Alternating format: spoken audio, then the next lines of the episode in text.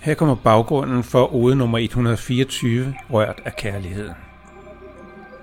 Jeg var i himmeri, og jeg var ikke død, nærmere på en kort fransk visit, og jeg så årsagen til, at jeg så tit bliver rørt, ofte helt uden synlig grund.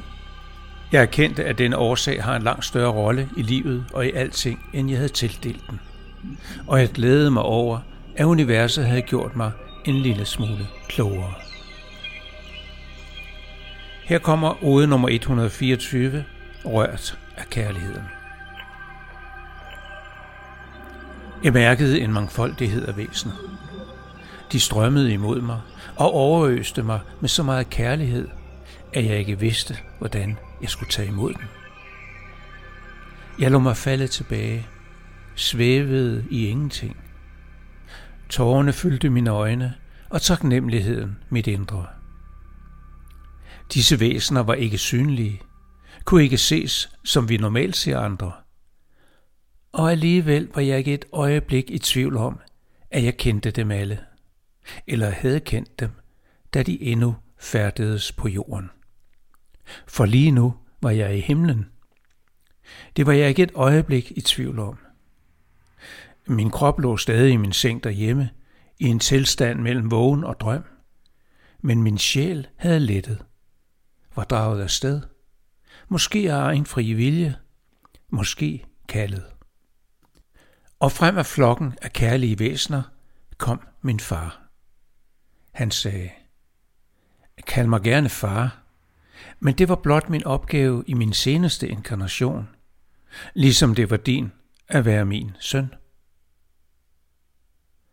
Jeg forstod ham, og jeg tog ham om de skuldre, der kun eksisterede i min hukommelse, og jeg sagde, før dette slutter, er der én ting, jeg må vide. Er der en Gud? Blidt trak han mig ind til sig. Hold tavst om mig et stykke tid, indtil jeg husker, jeg sagde, er det virkelig så enkelt? Og nu ligger jeg så tilbagelænet i dette hvide ingenting, der også føles som alting. Jeg mærker den overvældende kærlighed, mærker herligheden og taknemmeligheden opfylde mig. Og pludselig forstår jeg. Det er denne følelse, du mærker, når du røres.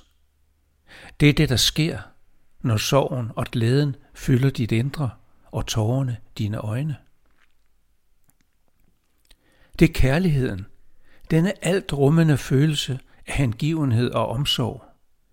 Denne følelse, som skal have lov til at flyde over, når som helst nogen eller noget ikke kan lade være med at udtrykke den. Og jeg erkender, at denne følelse er den eneste vej tilbage til det paradis, som har ligget i vores længsler lige siden de første tider. I uger derefter tænker jeg på denne oplevelse. Jeg er taknemmelig over at have fået den. Den indgår i den store pulje af viden, hvor med jeg hver eneste dag skaber og justerer min forståelse af alting.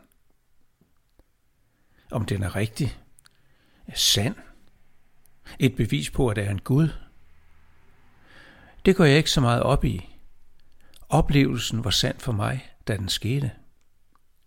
Om den er sand i morgen, om en måned eller om et år, det ved jeg ikke. For selvom denne erkendelse er en milepæl, så er der flere af dem forude. For du må huske, at denne rejse aldrig slutter. Der er ikke noget sted, den kan slutte. Det er ikke meningen, den skal slutte.